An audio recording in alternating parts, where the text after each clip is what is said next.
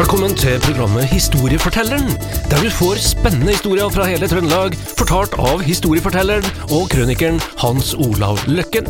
Her i Nea Radio hver tirsdag fra klokka ti over åtte, og med reprise på ettermiddagen ti over fem. I Nea Radio.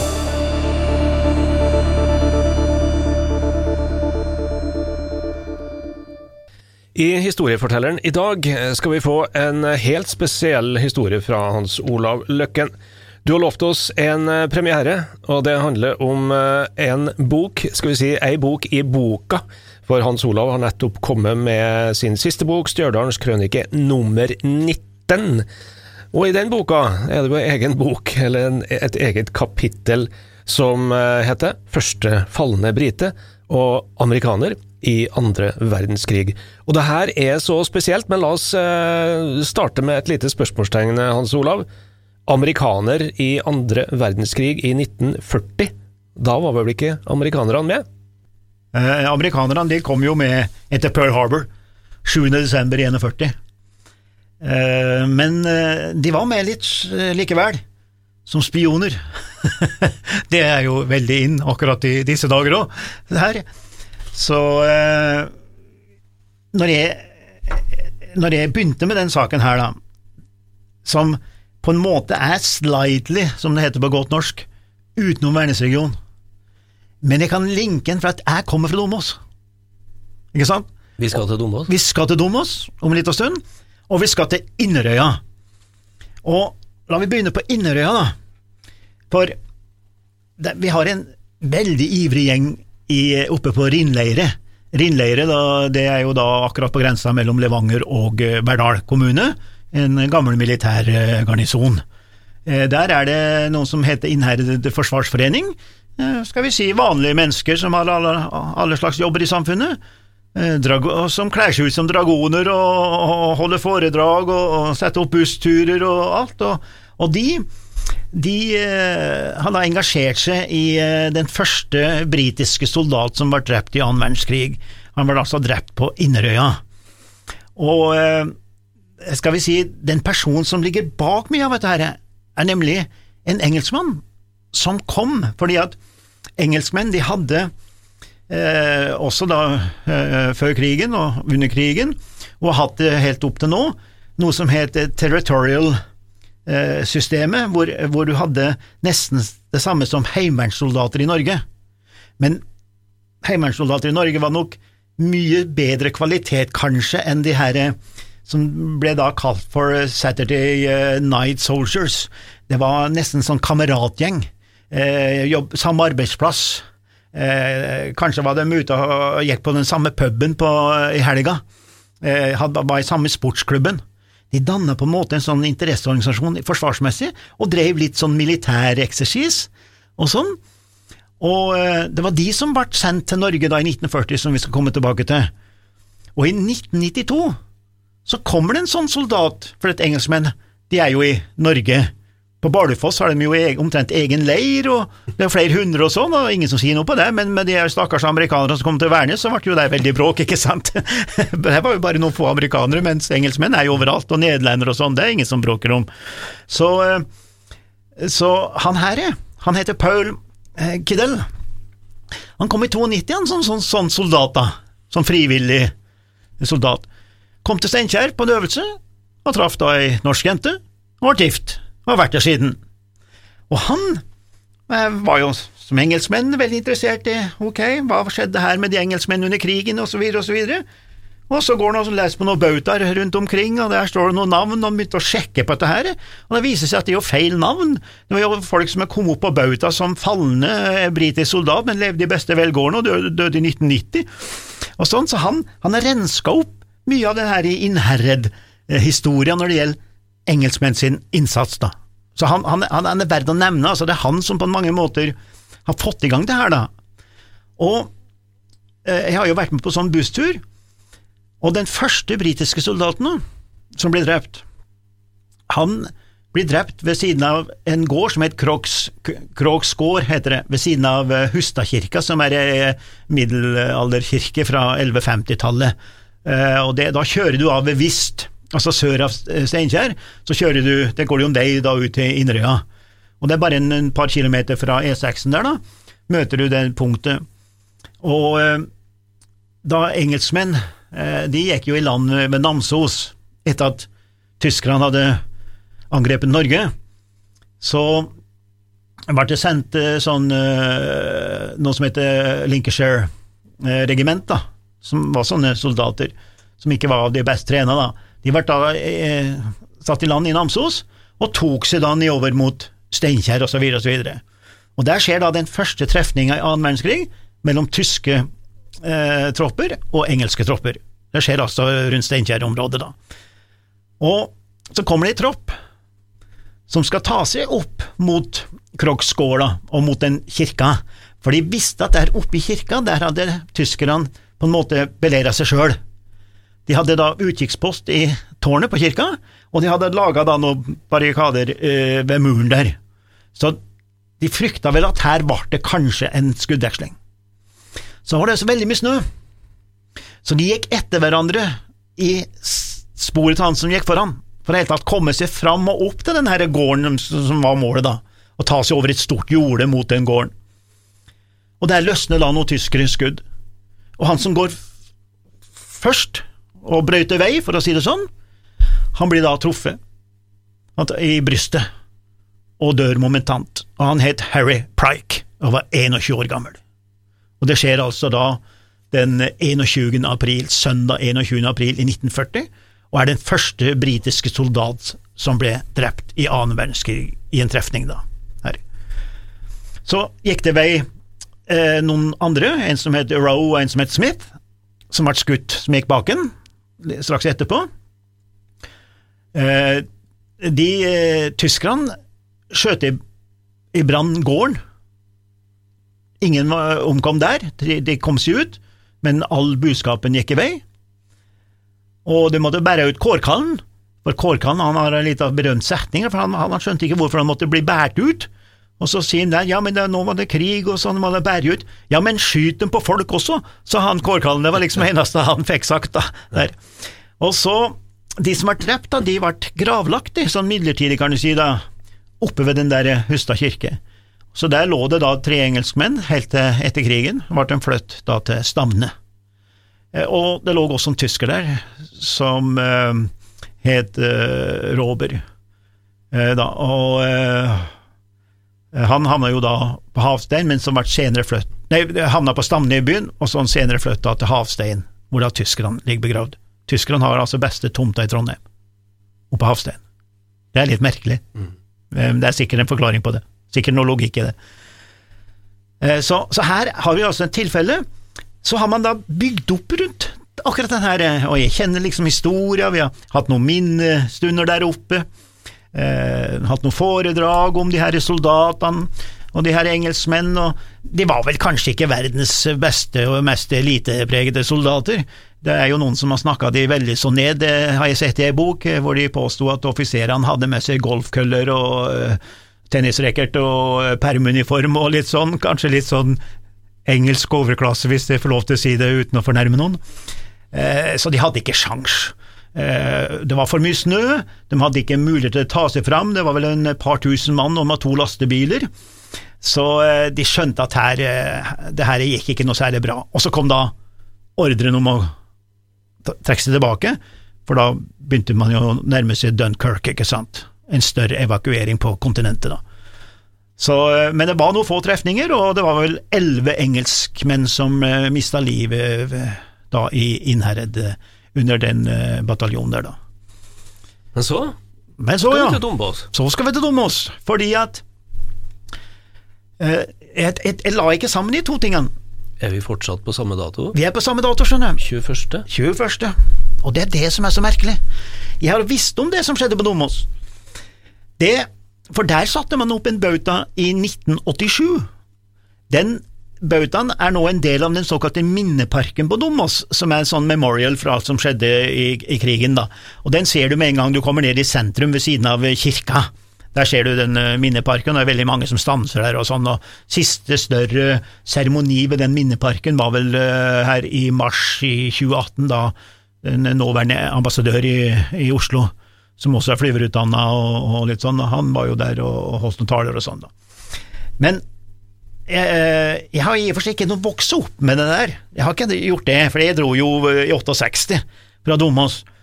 Eh, men Historielag på Domås har jo da liksom hatt det her eh, oppe, og fikk reist den her bautaen da i 87 og, og laga litt på det. Men jeg har jo lest meg litt opp på den saken, da, og her for en halvt års tid tilbake, det er da jeg oppdager at ja, men hva i all verden? Det står jo at det er den første uh, amerikanske soldat drept i annen verdenskrig. Det står jo på bautaen. Jeg kunne jo lest opp på engelsk til det der, men det har ikke så mye hensikt, men altså, det står svart på hvitt der, og, og så plutselig så ser jeg, ja, men i svarte, det er jo samme datoen. Han blir altså drept den 21. april i 1940, på Domås, bare noen timer unna, på samme, på samme dagen, da, blir det altså den britiske soldat og den amerikanske første drepte soldat i annen verdenskrig blir drept i lille Norge, i Midt-Norge, og hadde ingenting med hverandre å gjøre, og på samme dato. Og det kaller jeg da en merkverdighet. Det er ikke alle som skjønner det. Det der er jo ikke noe spesielt. Jo, sier jeg, det der er spesielt. Hvorfor skal vi bli drept her, i vårt område, på samme dag? Og da måtte jeg jo da finne ut hva dette her var for noe. Og hvorfor, så spilte du spørsmål, ja, men amerikanerne var jo ikke med den gangen i krigen. Jo, de var der, skjønner du, for vi skal til en som het Robert Lossi. Han var eh, født i 1908 og sånn. Han, etter high school så begynte han på West Point West Point er det samme som krigsskolen i Norge, da. Han gikk ut med toppscore fra West Point, ble artillerioffiser. Etterpå så switcher han over til Hærens flyvåpen, som det het den gangen. Han ble en av de første, liksom, første jagerflyvere i gåsehøyne i Amerika. Ble nummer én der også. Her har vi altså et sånt talent som kan velge fra øverste hylle uansett hva du gjør. Om du driver med sport, eller om det er skole eller kultur, så er du på topp, da. Her, du kjenner sånn, eh, som du har gått i lag med på skolen, de, de gjorde ikke lekser, de bare, bare var der, de, på topp. Så han gjorde det veldig godt. Og han fikk spesialoppdrag. Og så er det sånn med amerikanerne, her er det en stor forskjell mellom Amerika og Norge, og det er at i militæret og en del offiserstillinger, flyverstillinger i statene, så får du akademisk utdannelse. Du får mastere hvis du vil ta det sjøl. Vi har jo det typiske i Amerika med, med idrettsfolk som får eh, college- og univers, eh, universitetsstipender, ikke sant? Samtidig som de er idrettsutøvere. Eh, alle andre land unntatt Norge har militære historikere. Tenk om vi har hatt militære historikere, så dette her har vært oppdaga for lenge siden, det er det vi prater om nå. Har vi hatt militære historikere i Norge som måtte skrevet om hele etterkrigshistoria? Men vi har ikke det. Og, og han her er fyren Det er en som heter, heter uh, Lancaster der borte, som jeg jeg har ikke noe kontakt med, men jeg skal ha kontakt en dag, da. Men jeg har sett hva han har skrevet, og han kaller han herre Losey for liksom en sånn elitegutt, da. Han var best i alt. Og da skriver han, eh, som ligger ute på nettet, hvor jeg fant det, så skriver han at hvis han herre Losey, Robert Losey, har levd 25 år senere, 25 år senere, så ville han garantert ha vært astronaut. Og så skriver han jeg er også overbevist om at han ville være den første som har basert på månen. skriver han, For liksom hausse opp, da. Kanskje han hadde noen interesser med familien, vet ikke. Hva skjedde med den? Så er det det at han, han får da en akademisk utdannelse ved siden av sin flyverutdannelse. Vi har, fulgt, vi har til og med, Jeg kjenner til og med jagerflyvere i Amerika som er leger, og som er, som er flyverutdanna, og som er medisinsk utdanna, og så driver med flyr. Og så det, det, det, er forskjell på den Norge og den kulturen da, som Amerika har i forhold til mange andre land. da, her med å sørge for at du har en akademisk tyngdepunkt ved siden av det faglige. Der. Så han, han blir interessert i meteorologi. Han tar den ene masteren etter den andre. Det var jo lenge før vi helt tatt visste hva ordet master betyr. Det er jo noen moderne ord som vi har begynt å bruke i Norge òg, de siste 20 årene. Så han, han, tok akademiske utdannelser, han skrev doktoravhandlinger, han ble ansett fra noen professorer ved, ved California Technical eh, University, som den mest briljante elev noen gang har vært der. Og det er jo en del skarpe hjerner borti eh, Silicon Valley og rundt, rundt borti Amerika der. Så han, eh, han var, var, var, liksom en sånn elite på alt han gjorde. Og, så må vi begynne å nærme oss, hvorfor i all verden kom han til Norge og ble drept på Domås? Jo, han er da meteorologiekspert. Han er ingeniør in aeronautical, altså luftfartsingeniør. Han er flyver, og han begynner nå, i lag med noen andre i Amerika, å interessere seg for fremtiden til luftfarten. Vi er altså på 30-tallet, ikke sant? Nå begynner man å skal bruke, begynne med fly. Tyskland var jo den første som begynte med det vi kaller luftvåpen, Luftwaffe. Så han, når krigen bryter ut i Europa, som da er ikke 8. mai 1940 som vi i Norge snakker om, det var jo i, i september i 39, så tar altså da senhøstes russerne og angriper Finland. Ikke sant? Den såkalte vinterkrigen i 39.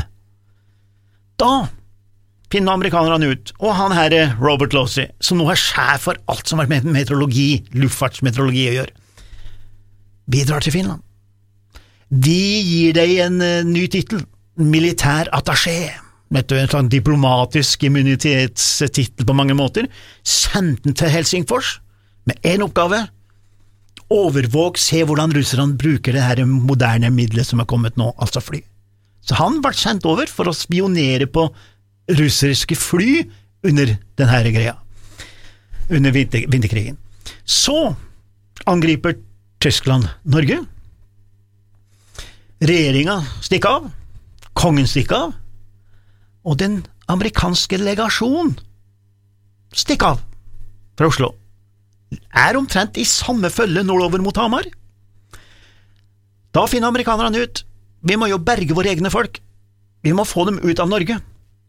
Vi tar de her spionene vi har borte i Finland, Robert Losey, sender han inn i Norge for å hjelpe, beskytte, da ministeren to Norway, som de da kalles en ambassadør. Det var ikke noe som het ambassadør den gangen, nå er vi bare også i 1940. Det er minister to Norway, som var et kvinnemenneske, Florence uh, uh, Florence, tror jeg hun heter da, uh, Harrington der, hun var kvinne, og han Losey, han skulle da beskytte henne, legasjonen, får tak i halvparten av dem, får dem inn i Sverige, men de har jo da mista halvparten, altså han vært splitta.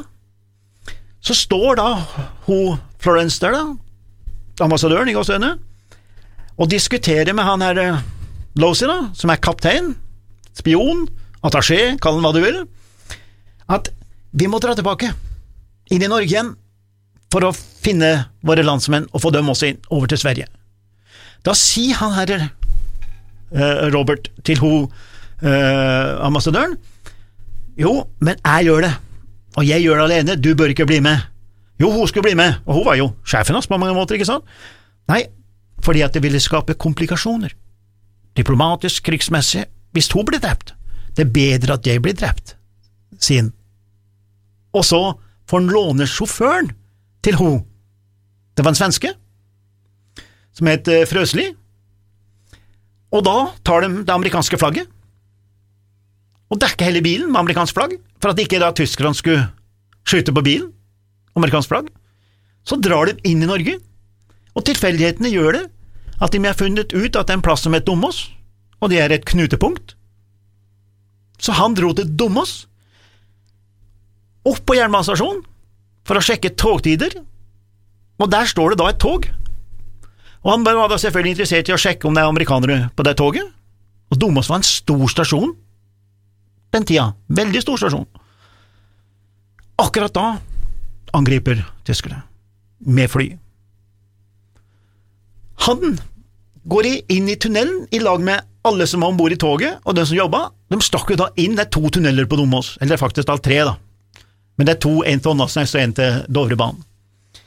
Så han drar inn i tunnelen, flykter inn i dit for å berge seg, for nå begynner bommene å falle, for den bomma jo hele Domås og Domås eh, nei, både hotell og systemer og alt, da, og jernbanestasjonen.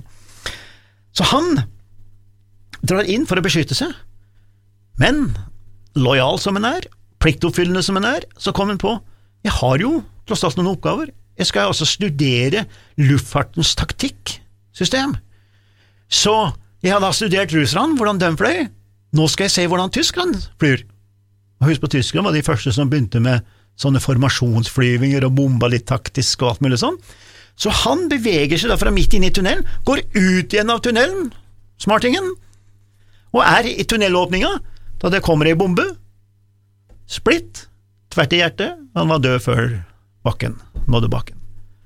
Ble drept av en splitt fra ei bombe, da, fordi at han skulle studere de her greiene, da, taktikken.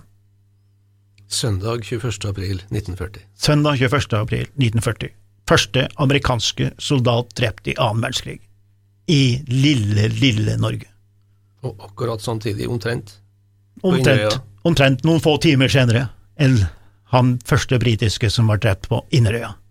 Og det kaller jo det er da på godt nynorsk for coincidence. Det er vel kanskje engelsk for noen, men eh, på godt nynorsk så sier vi at det er en sammentreff, en tilfeldighet, en merkverdighet, som jeg kaller det, og den synes jeg var verdt et kapittel. Når ingen andre har skrevet om det, så gjorde jeg det.